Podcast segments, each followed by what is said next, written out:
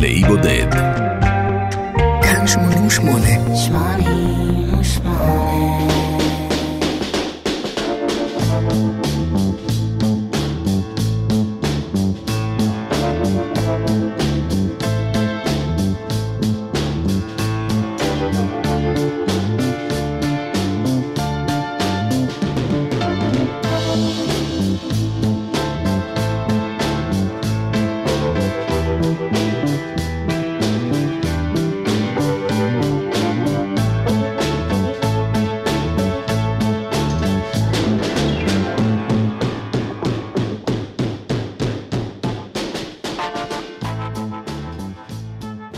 לאלבום שאיתו אנחנו שתים הפעם יש אח תאום.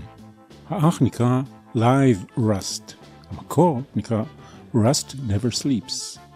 שניהם ראו אור ב-1979. אנחנו נבזול במהלך התוכנית גם לתאום, ככל אשר תאפשר לנו המסגרת. הקריירה של ניל יאנג עשירה מאוד. מעבר להיותו זמר, מלחין, משורר, גיטריסט, מנהיג להקה משלו וחבר בהרכבים של אחרים, הוא גם מפיק ומביים סרטים. הוא נולד בקנדה ב-1945, והוא גם בעל אזרחות אמריקאית. הוא ידוע גם בדעותיו הנחרצות בנושאים סביבתיים ופוליטיים.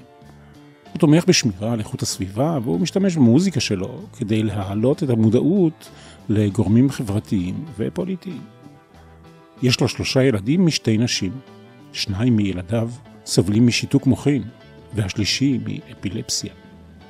אשתו הראשונה הייתה בעלת מסעדה, השנייה מלצרית, והנוכחית היא שחקנית הקולנוע דארל הנה. מבחינתי, ניל יאנג מצדיק את הביטוי Forever Young, כשם שירו הידוע של בוב דילן. יאנג ודילן, אגב, הם חברים טובים. השמועה מספרת שכאשר בוב דילן סיים את הקלטת האלבום שלו Blood on the Tracks, הוא נסע לביתו של ניל יאנג כדי להשמיע לו ולשאול לחוות דעתו.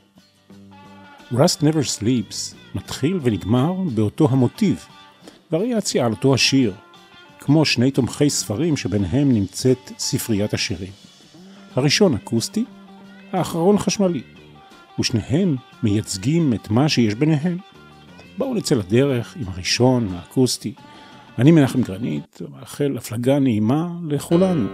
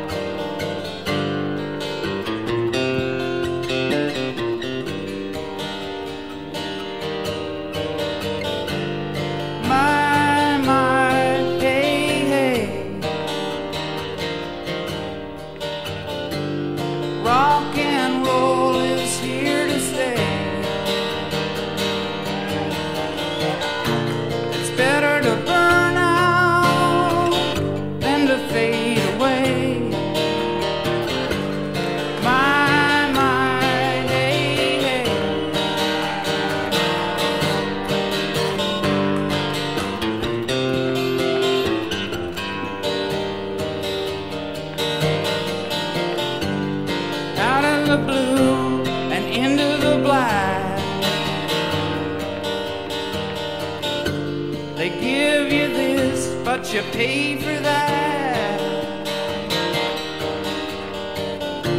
And once you're gone.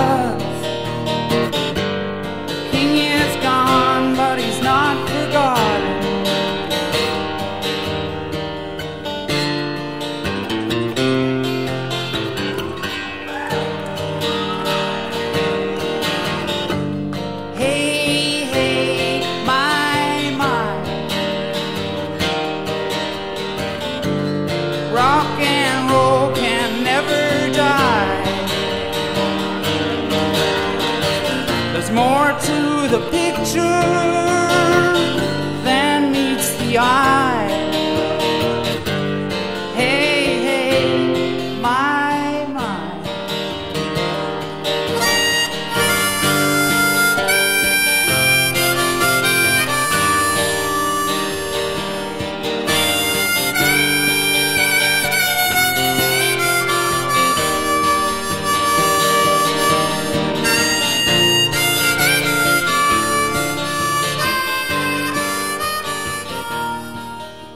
My My, Hey Hey, Out of the Blue. ניל יאנג אימץ את הכותרת לאלבום הזה, Rust Never Sleeps. הוא לקח אותו מתוך אה, פרסומת למוצר למניעת חלודה במכוניות. את המשפט הביא לו מרק מות'סברו, חבר בלהקת דיבו. משפט המפתח הזה הוא מטאפורה לסכנות השאננות של הקריירה המוזיקלית של ניל יאנג, והצורך שלו להמשיך ולהתקדם. החצי הראשון, האקוסטי, במשוואה של השירים שתומכים באלבום, הוא כאמור My My Hey Hey Out of the Blue. השיר ידוע בעיקר בזכות השורה It's better to burn out than to fade away. את המשפט הזה ציטט קורט קוביין במכתב ההתאבדות שלו. המשפט הזה והצעד הזה חיזק שלא במודע את מקומו של ניל יאנג בתור הסנדק של הגראנג' ומהצד השני גרם לו לטלטלה נפשית. הייתה תקופה שהוא נמנע מלהופיע עם השיר הזה בגלל רגישות האשמה על כך שקורט קוביין נשען על המשפט מהשיר שלו והתאבד. הוא חזר בו רק אחרי שחברי נירוונה הנותרים שכנעו אותו. הוא הקדיש את אלבומו Sleeps with Angels מ-1994 לזכרו של קורט קוביין. ניל יאנג השווה כאן בשיר הזה את עלייתו של ג'וני רוטן מה Sex Pistols לזה של המלך אלוויס פרסלי. שמת זמן קצר קודם לכן.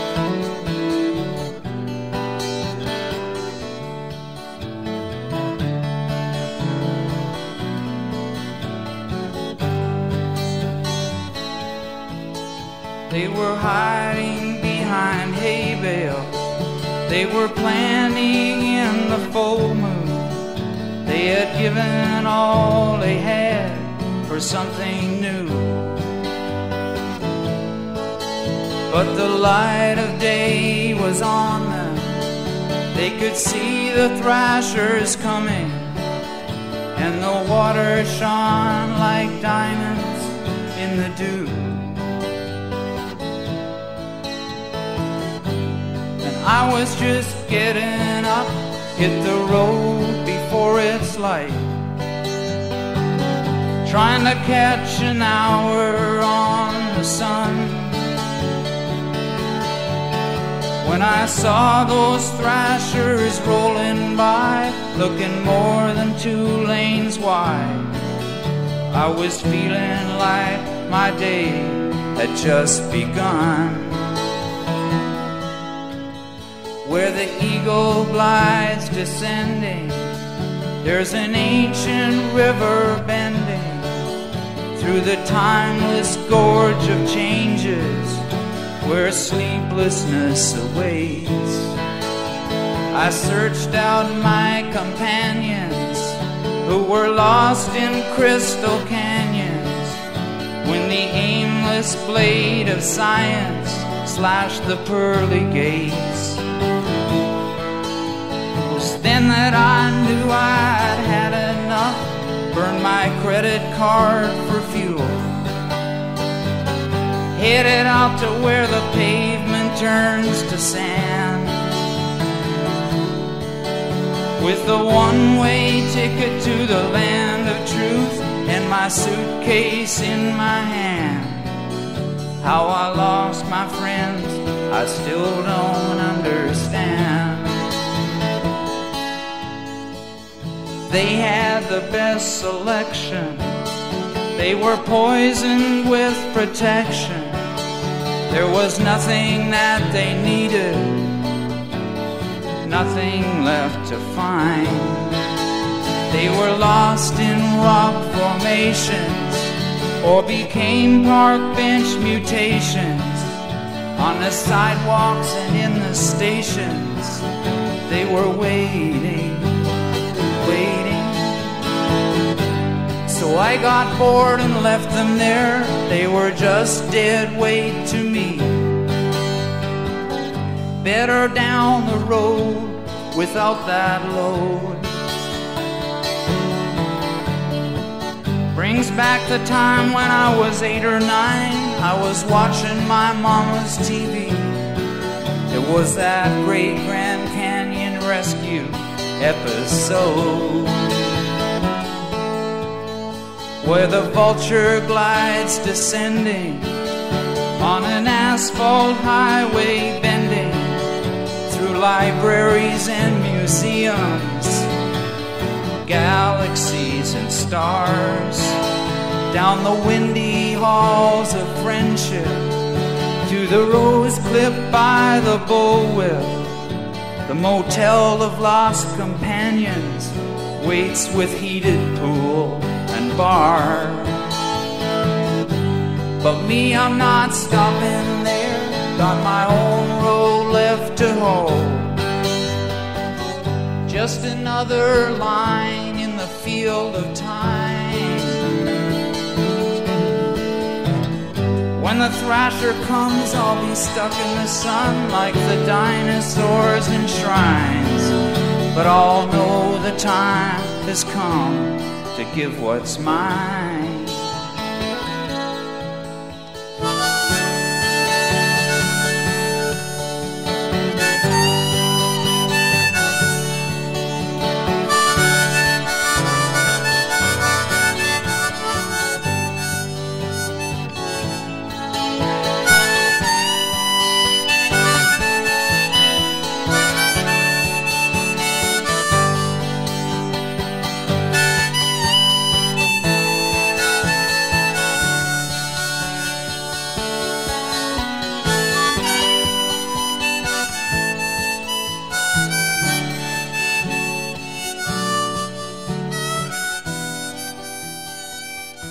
Thrasher. זה היה שיר שנוגע בהיסטוריה המוזיקלית של ניל יאנג עם ההרכב קרוסבי סטילס ונאש. הוא קורא להם כאן בשיר הזה בביטוי הלא כל כך מחמיא, dead weight. רציתי ללכת לכיוונים שלי, הוא אומר, והם לא יכלו ללכת לשם. לא התכוונתי למשוך אותם איתי, הם הסתדרו מצוין בלעדיי. ההתבטאות שלי בשיר הזה הייתה אולי קצת יותר קשה ממה שהתכוונתי, אבל ברגע שכתבתי את זה לא רציתי לשנות. לא היה נכון מבחינתי לקחת בחשבון מה תהיה התגובה. ניל יאנג שב והתאחד באלבום הזה עם Crazy Horse, הרכב שהתחיל לעבוד איתו בשנת 1975 באלבום בשם זומה.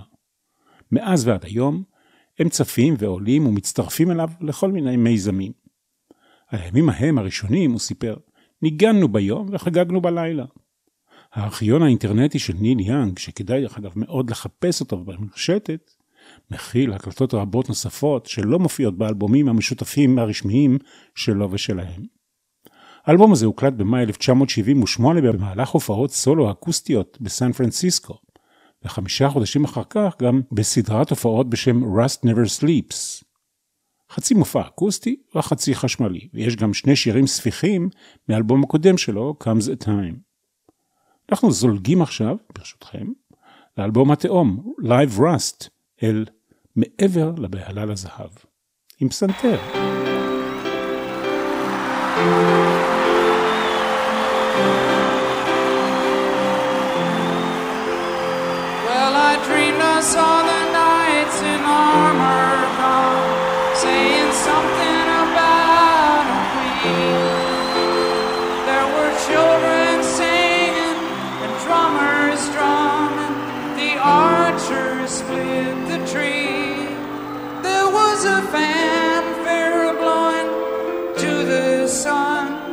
that flows.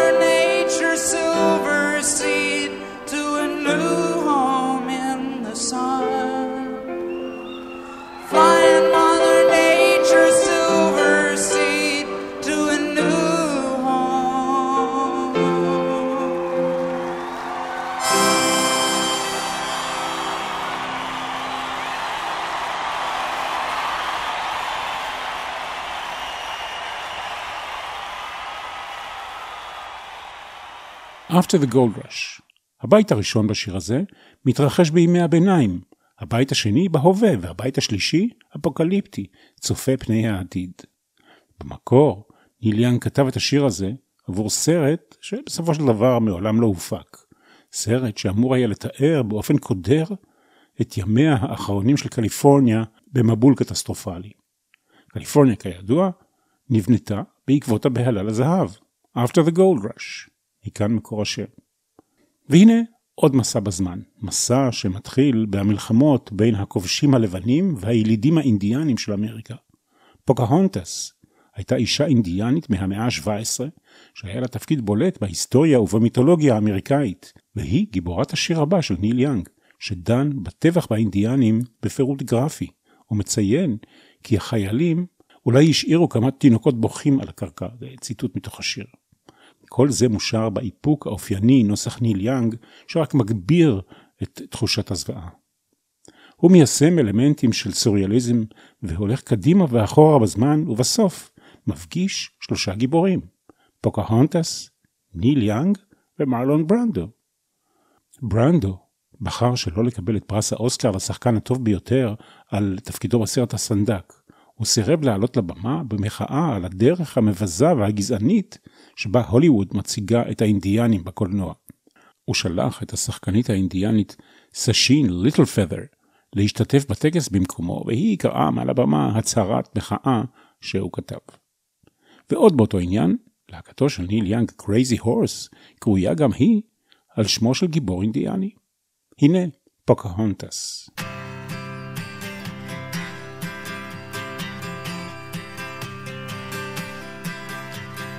Aurora borealis, the icy sky at night.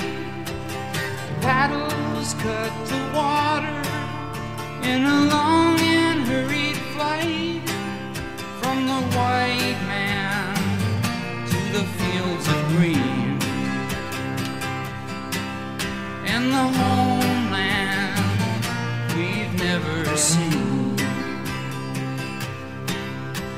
They killed us in our teepee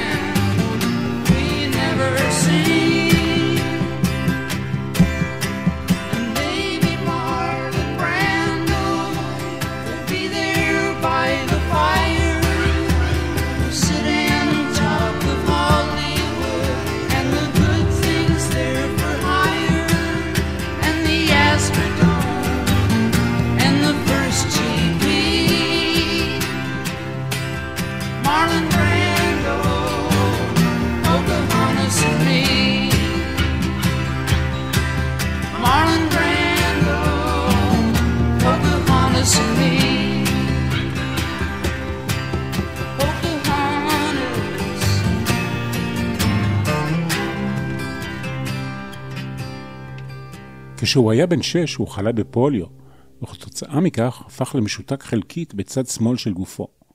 המשפחה שלו עברה לפלורידה.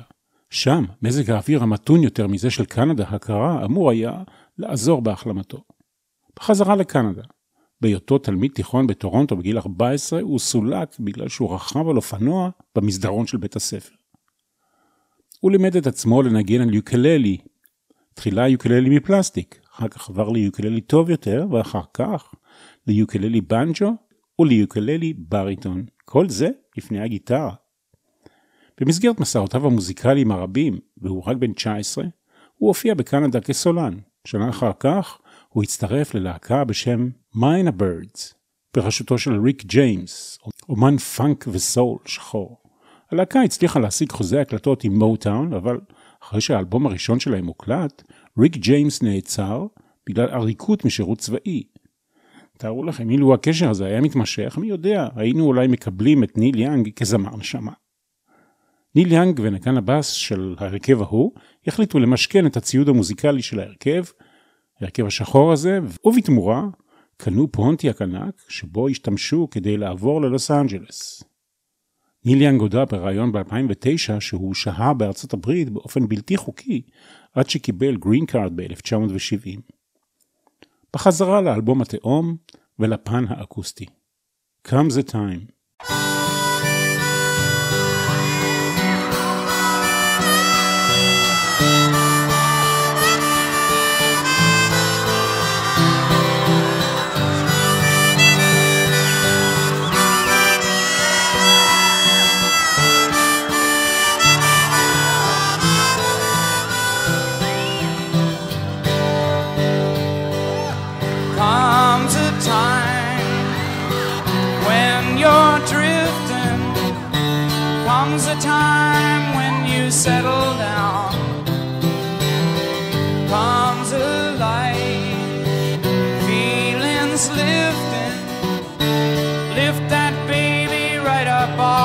Ground.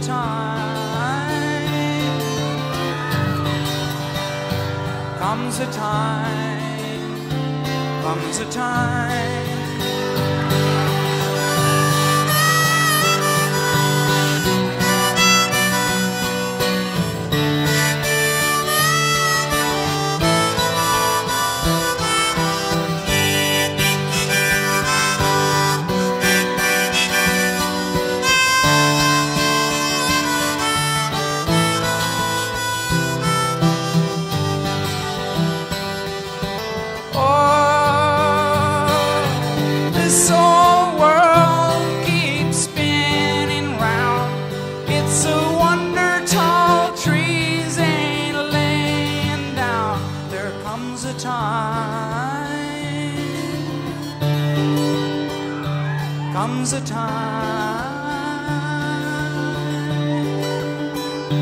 comes a time, comes a time, comes a time.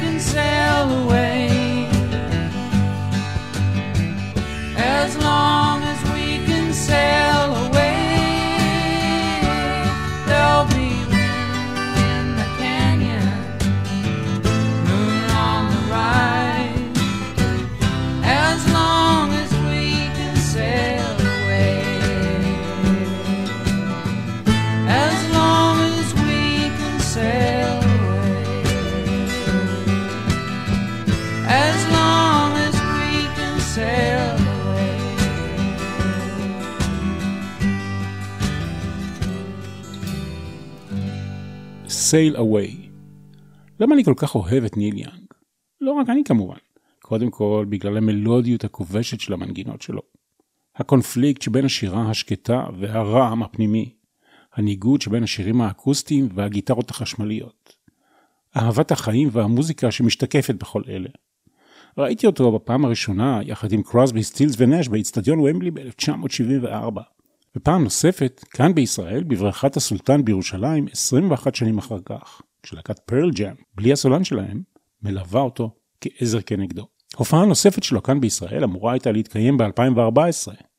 מתוך ynet אני מצטט: בוטלה הופעתו של ניל יאנג בפארק הירקון בעקבות מבצע צוק איתן, ובהמשך לירי הטילים לעבר ישראל הוחלט לבטל את הופעתו של ניל יאנג בישראל, אשר תוכננה ל-17 ביולי בפארק הירקון בתל אביב.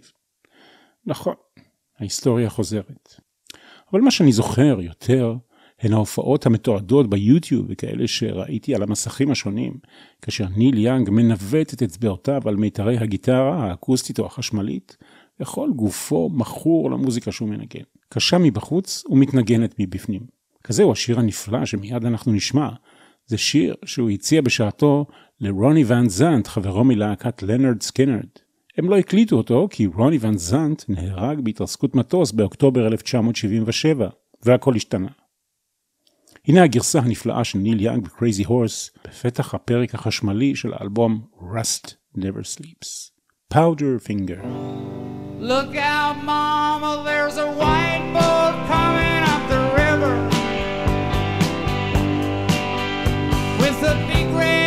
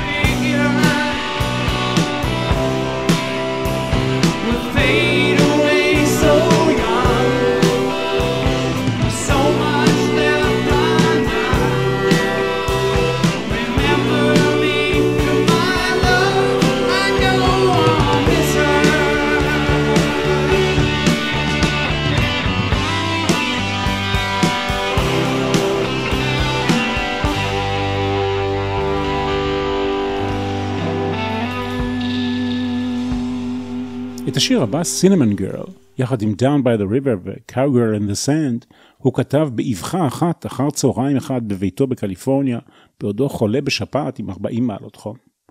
הוא הקליט אותם עם Crazy Horse אחרי שניגנו יחד שבועיים בלבד. השירים האלה הופיעו לראשונה באלבום השני שלו בשנת 1969 שנקרא Everybody knows this is nowhere. הערה אישית ברשותכם. כאן הייתה ההיכרות המוזיקלית הראשונה שלי עם ניל יאנג. חבר טוב שאמר לי, מה אתה שומע רק ביטלס כל הזמן? בוא תשמע משהו אחר. וכך נכבשתי בקסמו. על השיר הבא ניל יאנג סיפר, כתבתי אותו לנערה עירונית שפגשתי על מדרכה מתקלפת. היא הגיעה אליי דרך העיניים של פיל אוקס, מנגנת לה במצילות אצבע. היה קשה להסביר את זה לאשתי, ככה הוא אמר. פיל אוקס היה זמר פולק ומחאה פעיל בשנות ה-60, שהיו לו כל מיני בעיות עם היציבות הנפשית שלו. האישה שהיה קשה להסביר לה הייתה אשתו הראשונה, בעלת המסעדה סוזן אסוודו. הם היו נשואים רק שנה בשלב הזה. והזמרת מצילות האצבע היא ג'ין ריי, שהופיע עם בעלה דאז ג'ים גלובר תחת השם ג'ים וג'ין. הנה נערת הקינמון מתוך האלבום התאום Live Rust, Cinnamon Girl.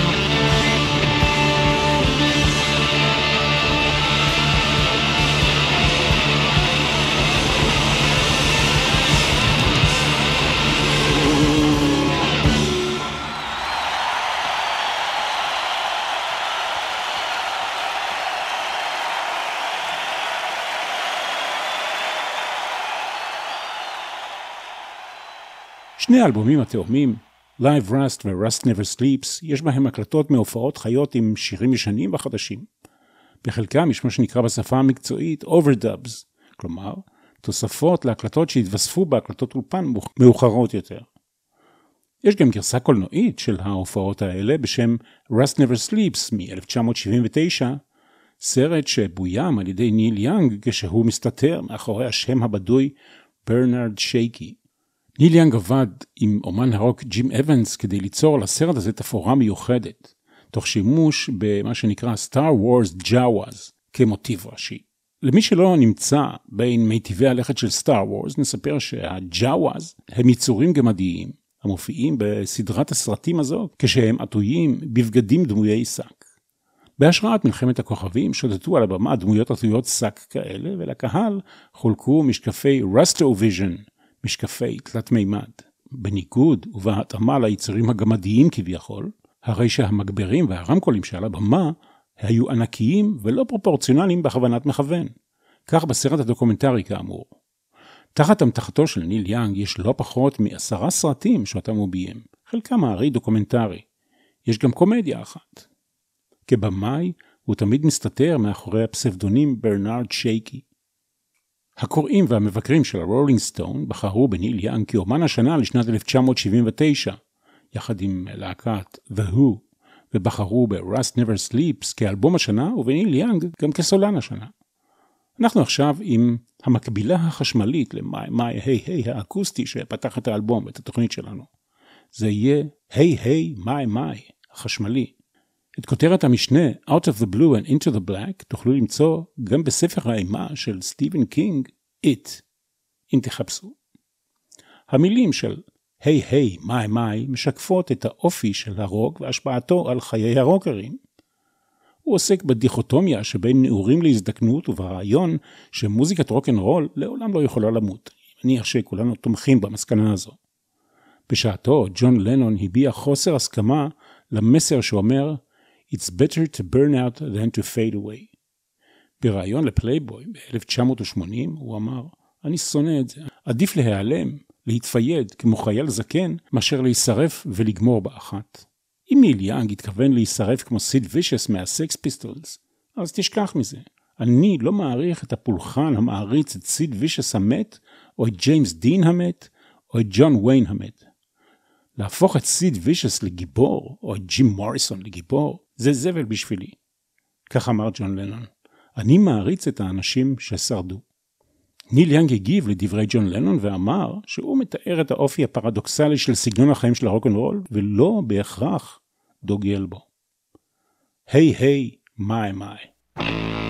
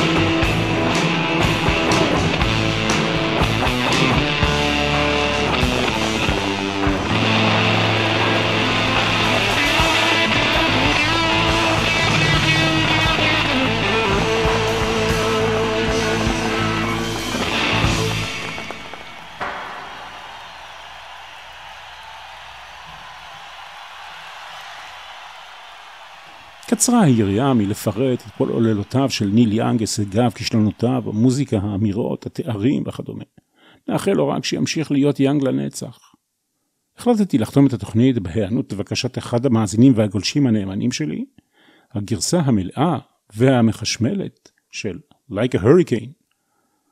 מה שלא ייכלל בגרסת השידור החי, יופיע במלואו בגרסה האינטרנטית של התוכנית. אני מנחם גרנית, כל טוב.